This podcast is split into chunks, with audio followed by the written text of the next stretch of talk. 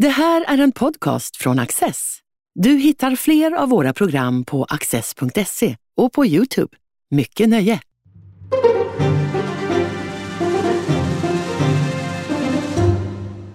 Välkomna till Studio Access och ett särskilt varmt välkommen till Johan Victorin som är min gäst idag.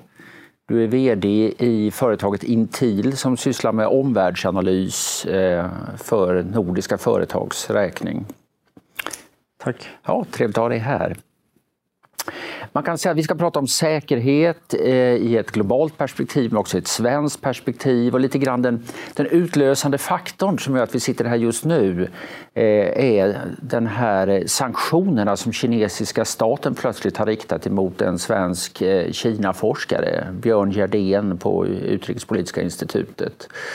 Och alldeles idag har man dessutom eh, fått en, ex, en ny variabel här med eh, kinesiska Eh, ja, svårigheter för Hennes och Maurits i Kina. Man har tagits bort eh, av politiska skäl från ett antal eh, e-handelssajter och liknande och fått hård kritik från ungdomsförbundet i det kinesiska kommunistpartiet. Så det här, varför händer detta och vad får det för konsekvenser? Mm. Vad vi ska ta och borra i tillsammans här. Mm.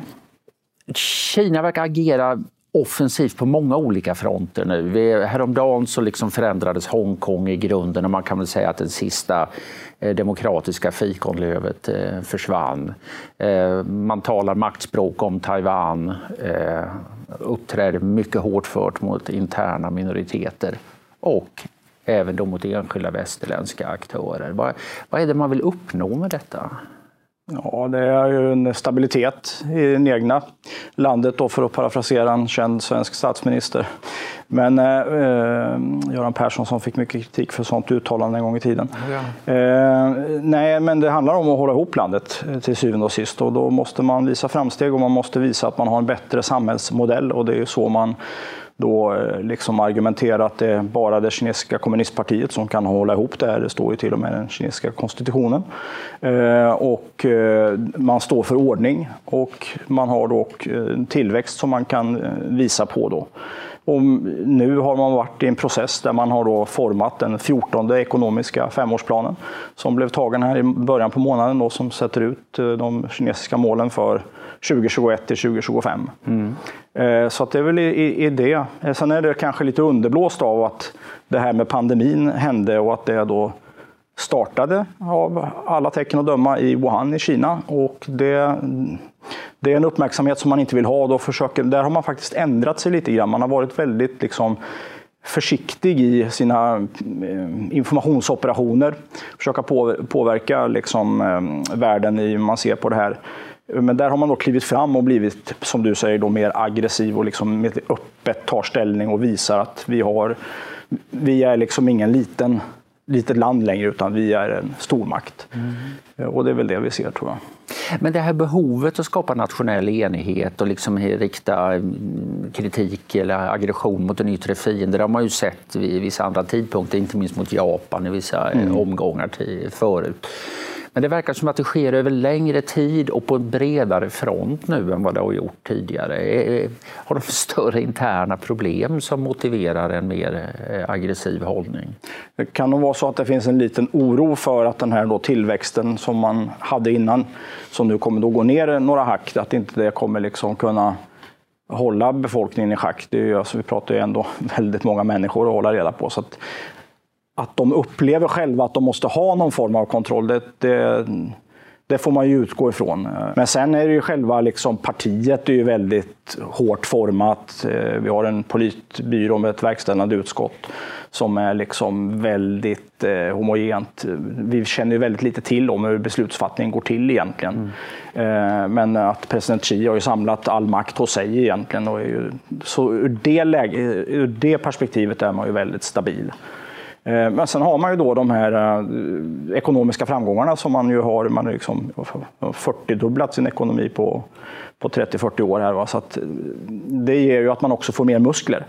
Och då kan man ju i och med att man är ute och handlar så måste man ju också värna de intressen man har satt upp och då blir ju det politiska mål att skydda, expandera, se till att man kommer åt vissa tillgångar som man kanske behöver för sin egen produktion, konsumtion.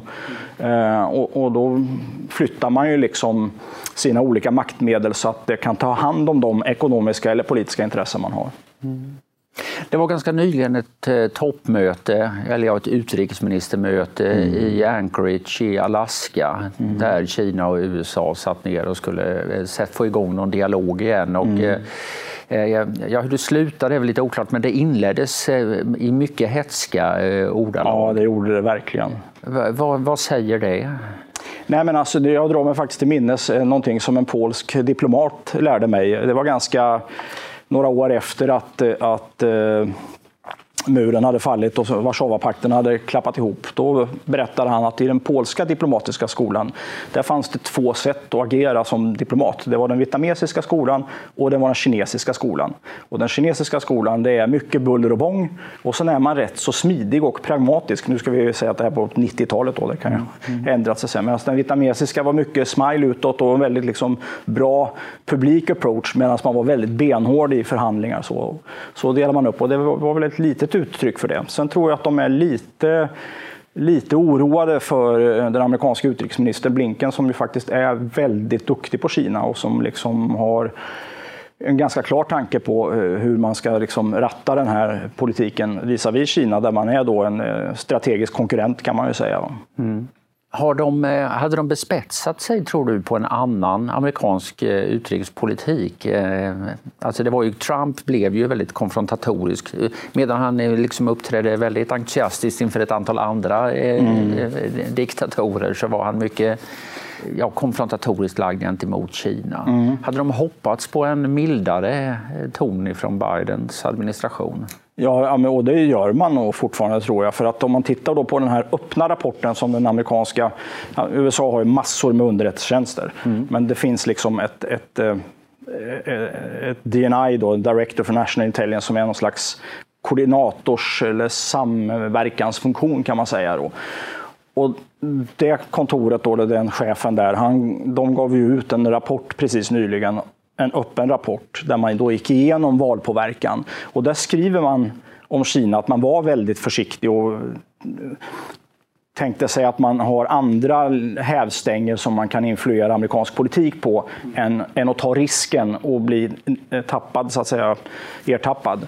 Eh, men där skriver man faktiskt eh, från, den här, från det här kontoret då att deras bedömning är att man såg hellre man vill inte ha Trump som president. Och det tror jag har att göra med att han är för oberäknelig. Mm. Eh, eller var för oberäknelig då, ur, ur deras perspektiv. Så det blir en besvikelse då? Ja, de får nog lite tuffare motstånd och så får de då en kompetens här då på andra sidan när det gäller Blinken. Då. Mm. Som då kan forma en Kina-politik. Och man såg ju nu när Blinken var i Europa på sitt första besök här att vi tänker inte tvinga Europa att välja mellan oss och Kina, men vi tycker liksom att vi har ju ett bättre system som är demokratier och vi borde liksom kunna konkurrera med det och övertyga oss själva om att vi borde samarbeta mot det här. Så att han hade ju den approachen nu när han kom till NATO och till EU. Trump har å ena sidan då ju varit liksom eh, hård mot Kina, både verbalt men det har också eh, eh införts handelshinder, tullar eh, och så här. Ehm, nu verkar det som att Biden-administrationen tänker bygga mer på liksom att försöka skaka liv i sina gamla allianser, de här som Trump var rätt ointresserad av. Mm. Man pratar om något som heter The Quad som är liksom eh, mm. eh, USA, Japan, Indien och Australien tillsammans som en konstellation som ju då lite grann kan ringa in eh, Kina på ett annat sätt. Mm. Är det mer hotfullt ur ett kinesiskt perspektiv, besvärligt ur ett kinesiskt perspektiv än den här mera eh, trubbiga eh, konfrontationspolitiken som Trump drev? Ja, det beror på nog vilket perspektiv man lägger på, på det där tror jag. För att eh, i det korta perspektivet så är ju då Trump kanske, i och med att han är oförutsägbar, då, eller var förutsäg, oförutsägbar, den administrationen var, visste man inte riktigt vad man hade i många avseenden. Eh, så, så, det var ju då besvärligt. Men det är klart att om du har någon som skickligt bygger ett inringnings och containmentpolitik och kanske får med Kanada och andra länder i det där också, då blir ju det långsiktigt eh, eh, någonting att bita i så att säga. Och så att det är väl själva samarbetet mellan de här staterna då som man är oroliga för. Inte minst Indien skulle jag säga då, på lite längre sikt som, kommer att, Eh, som ju redan tassar så att säga, i Kina i bakhasorna fast tre decennier efter. Mm. Eh, det har funnits en känsla tror jag i Kina, eller finns nog en känsla i Kina att USA är en makt på tillbakagång. Man tänker lite grann ungefär som att USA tog över efter britterna en mm. gång i tiden mm. i 1900-talets början. Så nu vi är den pigga växande nationen medan amerikanerna är dekadenta och, mm. och de frossar ju i bilder från de här stollarna som, och extremisterna som stormar Kapitolium och, och andra problem inne i, mm. i, i eh, USA. Är det en känsla som finns i regionen också? Liksom, eh, de här potentiella samarbetspartnerna för USA, är de eh, oroade vad gäller USAs förmåga att verkligen backa upp dem när det gäller? Ja, det är svårt. De har ju så olika utgångslägen allihop egentligen. Men australierna har ju en, en relation, japanerna har en annan relation. Men man kan ju titta på Sydkorea exempelvis då, som oroas över att Nordkorea skaffar sig kärnvapen. Och ska då, då de börjat med sådant program eller ska de få försäkringar från USA att de ska skydda dem och så vidare. Så det finns ju många sådana sådana parametrar tror jag. Men eh, du har ju, för att fortsätta på det du var, liksom var inne på då, eh, USA är ju fortfarande den starkaste militärmakten. Det är fortfarande den starkaste finansiella makten i världen. Men Kina har ju då eh, ambition då att försöka komma ifatt. Man har ju liksom en klar målsättning till 2049. Då ska man ju vara den ledande staten i världen och man har ett flottprogram, apropå då att efterträda britterna. Mm. Alltså, man försöker då bygga upp sin sjömakt. Så nu är ju tonnageproduktionen av örlogsfartyg större i Kina än vad den är i USA. USA är fortfarande dubbelt så stort så att säga, i tonnage räknat, men fler fartyg har kineserna redan. Så att, och nu ligger de då före i tonnagebyggnad per år. Mm. Så att eh, någonstans kommer man komma ifatt. Nu tänker amerikanerna upprusta sin flotta, britterna tänker upprusta sin flotta också. Det får man ju hålla ögonen på eh, vad det är som händer. För någonstans måste man ju ställa sig frågan hur starka får de bli? Och den typen av diskussioner kommer också dyka upp på på amerikansk sida förstås. Då. Eh, det kommer ju utmana USA, USA mm. på världshaven. Och det är ju jätteviktigt för oss, för här handlar vi om någon som säger att här ska vi ha eh, fri navigering över, över världshaven och någon annan som säger att vi bestämmer i den här regionen vem som kör här och inte kör. Vi ser ju alla protester som kommer då när USA genomför sådana navigationsoperationer, alltså fri navigering mm. i, i olika sund och sådana saker för att visa att det här är internationellt vatten och så. Det, så där kommer det finnas en, en konfliktyta eh, ju starkare Kina blir. När du talar om att vilja ha kontroll i närområdet så är ju eh, den konflikt som flest människor, bedömare verkar tycka är mest riskabel, det är ju då frågan om Taiwan mm. och, och Taiwans framtid. Mm. Eh, hur stor är risken för att det verkligen blir en väpnad konflikt kring Taiwan? Ja, det är svårt att bedöma det. Det är ju så många komponenter i det där. Alltså, USA bytte ju politik eh, och så säga erkände Kina men, på 70-talet. Mm. Eh, och det kom ju till då en, en lag Taiwan, Taiwan Relations Act tror jag den heter, 1979 som då stipulerar vad som vilka skyldigheter som eh, en amerikansk president och mm, så att säga, amerikanska myndigheter har då mot Taiwan. Mm. Eh, och I korthet så satte man ju upp egentligen två privata organisationer. Det finns en privat organisation eh, från Taiwan i USA och sen så finns det en i, i, från USA i Taiwan där man har fört egentligen så att säga administrationssamtal som en kanal egentligen kan man säga. Och den lagen stipulerar då att, att eh, det får inte ske några förändringar i Taiwans sociala eller ekonomiska sammansättning eh, med annat än fredliga medel. Det är liksom eh, hörnstenen i den lagen. Men det finns inga sådana här absoluta försvarsgarantier. Men man kan ju då uppfatta det på det sättet. Eh, och det, det bygger in en slags lagom osäkerhet i hur USA kommer att agera då om Kina skulle skulle försöka sig på då en invasion eller på något sätt. Vi såg att kineserna stöttade då Kuomintang-partiet som oppositionellt parti mm. i, i, senaste valrörelsen. Exempel försökte använda andra medel för att få till stånd en förändring istället. Då. Men eh, på kort sikt så har ju liksom det, för det handlar ju om USAs trovärdighet också gentemot alla partners de har över hela jordklotet. Så det är klart de måste liksom upprätthålla en, en, eh, en trovärdig avskräckningsförmåga där, helt klart. Men om Kina nu seglar upp som den stora eh, rivalen och Kina agerar mer eh, offensivt i sitt närområde och då inklusive länder som, eh, som ju är eh, amerikanska allierade. Mm. De har gått mycket hårt åt Australien ekonomiskt och, mm. och det är en ständigt pyrande konflikt med, med, även med Japan. Så här. Kommer vi att få se den här... Eh, Obama, under Obama talades det om en pivot to Asia, alltså att mm. det amerikanska fokuset skulle flyttas ifrån Atlanten, in, ja, inklusive då Europa, mm. till eh, Stilla havet och, eh, och Asien. Eh, är det det som nu verkligen kommer att hända och, och, och, vad får det i så fall för konsekvenser för alltså, oss? Det har ju redan hänt, skulle jag säga. Då. Mm. För att menar, bara amerikanska flottan, över halva amerikanska flottan är ju i Stilla havet. Mm. Kalifornien tror jag att om man skulle bryta ut den så skulle det vara världens femte, sjätte ekonomi. Så att det är otroligt mycket liksom, ja, makt som är koncentrerad i det här området redan. Så jag skulle nog säga att det redan har hänt. Uh, och det, för vår del så innebär det då att Europa måste ta ett större ansvar för sin egen säkerhet. Europa måste också mejsla ut en position mot Kina, med USA, men utifrån sina egna eh, förutsättningar, hur, hur, de nu ska vara beroende på hur mycket man orkar integrera sig själv och vad medlemsstaterna egentligen vill. Mm. Eh, och hur relationen till USA ser ut, eh, tror jag är oerhört viktigt där. Så att, det, det, är klart att det får konsekvenser på både det handelspolitiska området och på, på det rent militära området. Ska jag säga. Och, då, och när jag säger militära så inkluderar jag även då påverkansoperationer och mm, den typen absolut, cyberintrång och sådana saker. För det är liksom sammanvuxet med politiska mål och, och militära mål kan man säga.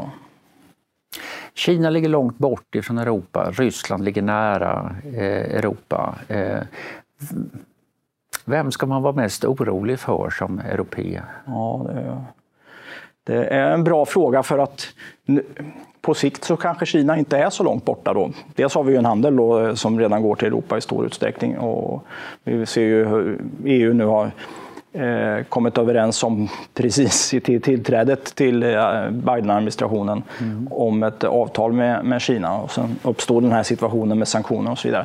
Men Kina har ju också en arktisk rutt som öppnar mm. upp sig också. Och vi ser ju hur Kina då försöker komma in på Grönland. Eh, eh, buda på flygfält. Mm. Så det var liksom ingen slump att Trump sa att han tänkte köpa Grönland. Det var ju inte liksom taget ur luften.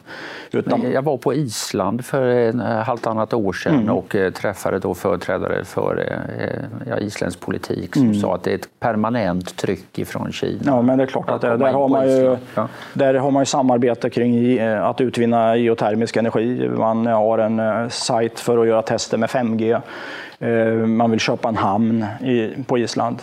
Mm. Gröna flygfält. Man är intresserad av jordbruksmark när isen öppnar upp sig, för det betyder ju sjöuppgång i sydöstra Kina och kanske mark under vatten från klimatförändringarna. Eh, man försöker bryta mineraler, man liksom, uranium vill man ha tag i, man vill ha tag i sådana här sällsynta jordartsmetaller som yttrium eh, som man använder i lasertillverkning, bildskärmar och så vidare. Så det, det, finns många intressen eh, på det. Eh, helt klart, man sätter tryck på Norge förstås. Man vill bygga en fiberoptisk kabel som går över Helsingfors så att man kan reroota internettrafiken den vägen och då då går inte den trafiken över Sverige istället. Så att man, det finns många grejer som gör att kineserna är närmare än vad de någonsin har varit förut. Det är alltså en historisk mm. förändring som sker när hela den här rutten kommer att öppna upp sig. Det har ju funnits eh, ända sedan Deng öppnade den kinesiska ekonomin eh, förhoppningar om att det här är ett intensivare utbyte mm. ska leda mm. inte bara till ökat välstånd utan också till att eh, Kina så att säga, inlemmas i i en internationell gemenskap av mer eller mindre demokratiska stater. Mm. Så att säga. Hur mycket ska vi hoppas på det och hur mycket ska vi vara på vår vakt? Därför att de företräder ett annat system och mm. använder en lång rad olika metoder för att sprida de idéerna. Alltså det där är ju då en idé om att, att handel ska då befrämja fred och välstånd. Och det är ju ingen lag, det är det som är viktigt att ha klart för sig. Mm. Det är ju ingen lagbundenhet i det. Eh, Tyskland, Storbritannien hade, och Tyskland Frankrike hade jättestort utbyte av varandra. Mm. Ryssland anföll sin största handelspartner i Ukraina. Mm. och, och, så vidare. Så att de här bitarna är inte lagbundet. Däremot så är det säkert så att det ökar sannolikheten för att det håller sig lugnt när man har mer sammanflätande beroenden. Men det beror ju helt och hållet på vad de här inre drivkrafterna hos regimerna är egentligen, skulle jag säga. Då, då, och var de befinner sig i Eh, alltså hur det går för dem, hur hotade de är. Det finns massor sådana faktorer som då kan sätta den där fredliga handlingspolitiken åt sidan och det måste man förbereda sig på. Och titta... det är dyrt att klippa de här internationella eh, leveranskedjorna och sånt där. Det betyder inte att de aldrig kan bli klippta. Nej, alltså man ser ju en, en, eh, Jag är lite tveksam till hur det kommer gå, men det finns ju idéer om att köra så kallad decoupling. Att man liksom klipper just då, man avvecklar Eh, leveranskedjorna till Kina och sen försöker man då sätta upp regionala eh, leveranskedjor istället. Man kanske flyttar hem produktion och sådana saker.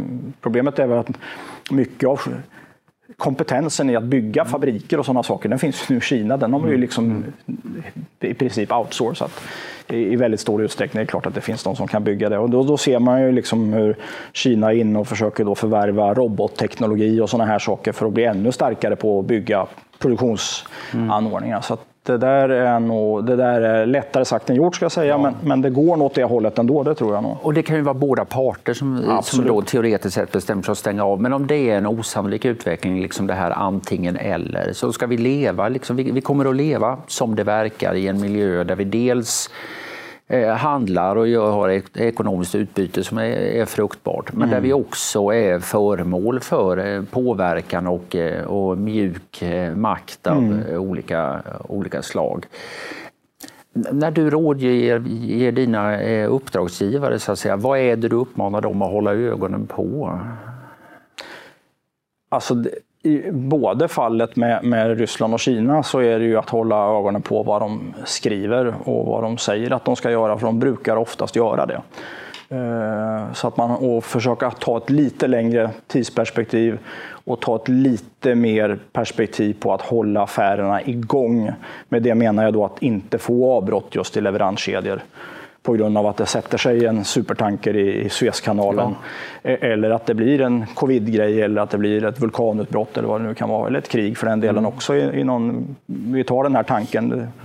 Det skulle kunna hända om en 7, 8, 10 år att det sätter sig en, en, att IS öppnar ett stort kontor vid Suezkanalen. Och då kommer det ingen trafik förbi där annat än att man tvingas ingripa militärt och då tar det många, många månader för det är ganska stora områden det rör sig om. Eh, och sådana grejer måste man liksom ha med i sin riskkatalog. Sen kan man ju liksom värdera den risken och säga att men det där är kanske inte är så viktigt för oss därför att vi har byggt redan mm. vår leveranskedja på det här sättet. Jag såg, Säpo kom ju med sin årsbok i förra veckan och där säger de eh, rakt ut att det, liksom, det är tre nationer som eh, ägnar sig åt olika sorters påverkansoperationer, desinformation och ja, mer eller mindre spioneri i mm. Sverige. Mm. Eh, Ryssland, Kina och, och Iran. Mm. Ur ett företagsperspektiv eller eh, ur andra organisationers perspektiv, vad är det som är mest besvärligt? Ja, då är det om man bara tittar på de tre, då är det ju Kina och förmågan att genomföra inhämtningsoperationer via nätet egentligen. Då. Mm. Att uh, försöka komma över teknologier och affärsmodeller. Annan mjuk kunskap, förhandlingsunderlag kanske också. Mm. Som rör sig mer mot näringslivet. Om du inte då är kanske i mera så att säga, försvarscentrala eh, sektorer, då, som förstås försvarsindustri, men det kan även vara energi och sånt. Då kan man nog Eh, tänka sig lite grann med Ryssland. Vad är sambandet? Finns det ett sånt? För det är väl lite grann det jag funderar över här, att en ökad aggression i närområdet, ökad aktivitet när det gäller den sortens eh, olovlig inhämtning och sånt där. Hör det där ihop? Sker, sker de av samma anledningar i grund och botten? Nå, ja, alltså det korrelerar väl i den meningen att de här alltså försöken att komma över eh, teknologier och, och liksom kunskap hur man gör saker och ting eh, som man inte bara gör ska jag säga, via, via den typen av operation utan man också genomför via strategiska förvärv och vanlig affärsverksamhet och sånt. Det finns ju mängder av sätt att komma åt eh, kunskap. Man kan ju bjuda in till, till eh, joint ventures och sådana mm. saker i Kina också för den delen. Så det där är ju en del, då. men det är kopplat till deras målsättningar då, eh, när man sätter upp den här typen att man är försöker då komma och, vi säger någonting med eh, flygindustrin eller något liknande. Då. Eh, att försöka komma över den, då är det ju kopplat till en målsättning att vi ska bli mycket, mycket bättre på flygindustrin. Och, och, för att göra det så måste vi veta hur man gör de här, de här, de här sakerna. Och då måste vi ta reda på det på olika sätt. Och det, det, där, är, för, det där är då de dolda påverkansoperationerna. Ja. Sen finns det ju öppna påverkansoperationer också som är till exempel de här sanktionerna mot eh, Björn Gerdén på Utrikespolitiska mm. institutet. Eh, vad är syftet med den? Ja, alltså, då kan man ju fråga sig vad är syftet då med att vi genomför sanktioner? Mot Kina också. Ja, för att då är ju det, det, då är argumentet för att EU har infört sanktioner mot Kina är ju att de bedriver en hänsynslös politik i Xinjiang. Mm.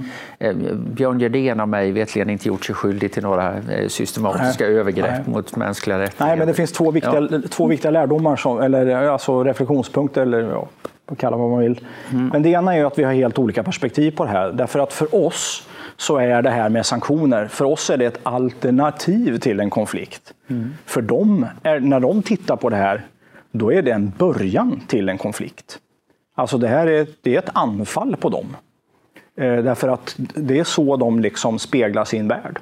Därför att det är, de tänker utifrån sig själva och vi tänker utifrån oss själva. Då. Och då blir det ju väldigt lustigt med de här sanktionerna som man nu har infört mot Björn. För Björn har ju ingen politisk makt. Nej. Inte de andra forskarna heller. Så att man liksom Ingen, det, och, och, då blir det ännu farligare för att det, det, som händer då är ju att man trycker ner civilsamhällets forskning om Kina att kunna förstå vad är det här för, för någonting egentligen och hur ska vi handskas med det? Då innebär ju det att liksom, om man lyckas trycka ner det ordentligt, då kommer ju den kunskapen bara finnas i staterna.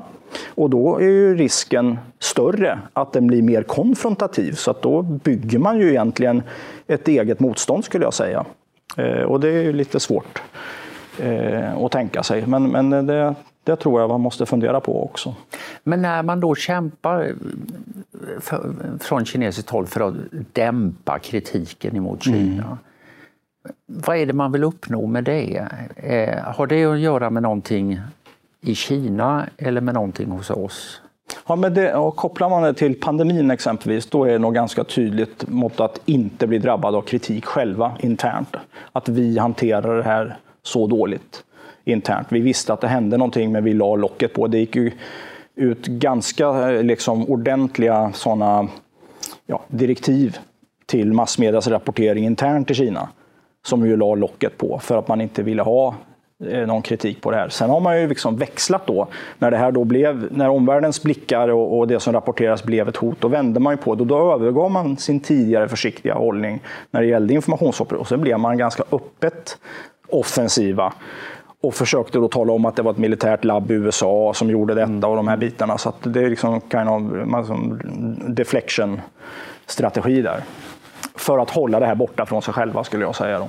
Ska vi säga några ord om, om eh, Ryssland mm. Eh, också? Alltså historiskt sett så är det ju Ryssland som har varit problemet sen för Europas stater sen, eh, sen efter andra världskriget. Innan var det ju Tyskland då.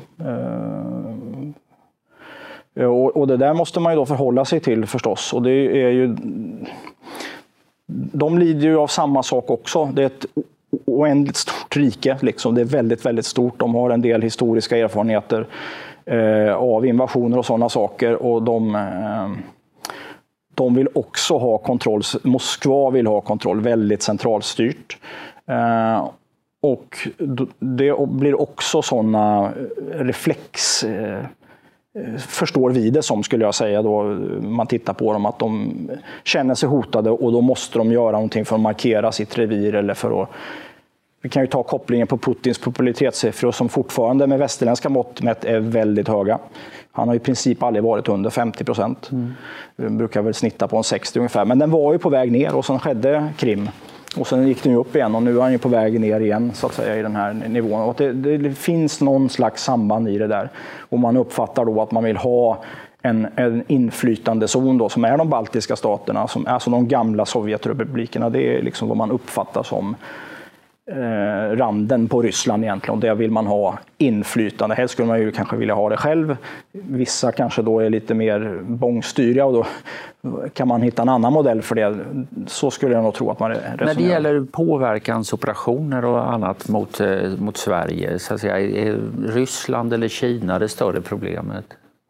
Alltså det beror på vilken typ av påverkan. Är det liksom den här äh, strategiska förvärvspåverkan? Alltså, du glömmer ihåg att... Nej, mer, mer, mer så att säga, den politiska påverkan. Ja, då är det nog Ryssland. Mm. Den är ju mer, betydligt mer tydligt polariserande. Den är eh, mer degraderande. Eh, den är underifrån byggd på ett annat sätt. Då.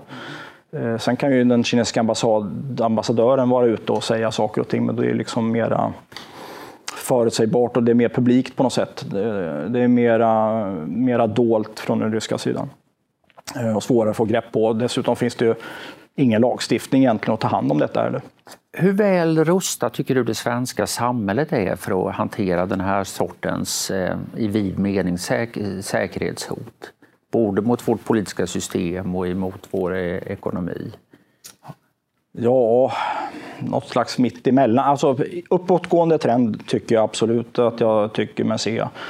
Ehm, jag blev lite, lite ehm, orolig när jag såg första meningen i, eh, i Säpos eh, årsbok som var ett slags förord. Där det stod att ansträngningarna och viljan att komma till rätta med de här problemen, är, eh, nu är fritt, helt fritt översatt, men det är liksom inte tillräckligt. Och det är ju lite allvarligt då att, att en myndighet med det uppdraget uppfattar det på det sättet och ger mm. uttryck för det.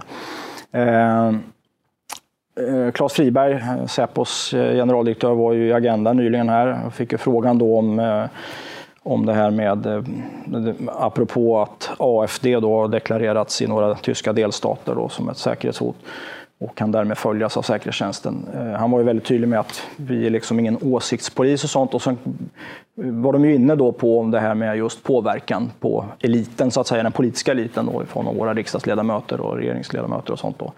Och där jobbar man ju väldigt liksom förebyggande, rådgivningsmässigt. Man ser nog väldigt mycket från Säpo-sidan, man vill liksom inte gripa in annat än att säga att nu träffar du dem, det får du absolut göra, men du ska veta att den här personen har den här befattningen egentligen och vill att du ska ta den här. Och du får du liksom göra det med, det med den kunskapen. Du kan inte förneka att du har den, fått den kunskapen från oss nu och då kan det ge den enskilde ledamoten en, en möjlighet att eh, glida ur. Vi har ju inga lobby eh, register i Sverige. Det, mm. det, tycker jag är ett problem faktiskt. Eh, I den meningen att vi vet inte vilka våra riksdagsledamöter träffar. Så är det ju inte. EU har ett lobbyregister. USA har ett sånt också. Och då kan man säga att ja, det är ett administrativt instrument. Ja, absolut. Men det finns en viss avskräckningsbit i det här. Men framförallt så kan det ju hålla folk liksom skyldiga gentemot det registret.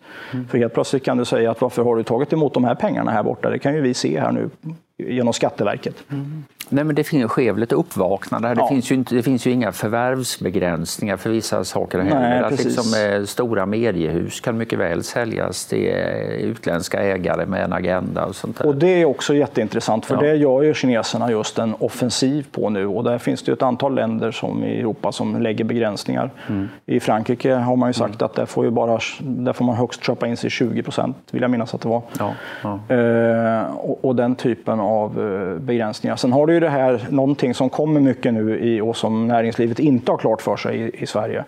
Det är ju att regeringen har lagt, eh, eller Sveriges riksdag har tagit en ny säkerhetsskyddslag som har kompletterats i, och kommer att kompletteras i omgångar när det gäller säkerhetsskydd. Eh, och det har att göra med de företag som bedriver säkerhetskänslig verksamhet. Och det kan vara väldigt det kan vara sådana företag man inte tänkte sig från början att det var därför att de Eh, levererar en tjänst till flera stycken myndigheter. Mm. Och det är en icke-militär eller icke-försvarstjänst de levererar. Men de här myndigheterna och de här funktionerna i staten skulle inte fungera om inte den här elektricitetsleveransen Nej, fungerade precis. från, Ja. från eh, ett lokalt bolag någonstans eh, som har tagit över någon del av den svenska marknaden. Eh, och då är det så, samma sak är det när man ska då sälja eller förvärva sådana här bolag. Den som säljer ett sådant bolag eh, måste då veta att man eh, har den typen av verksamhet, att man har en, ett säker, en säkerhetsplan för detta, hur man liksom skyddar då det som är skyddsvärt.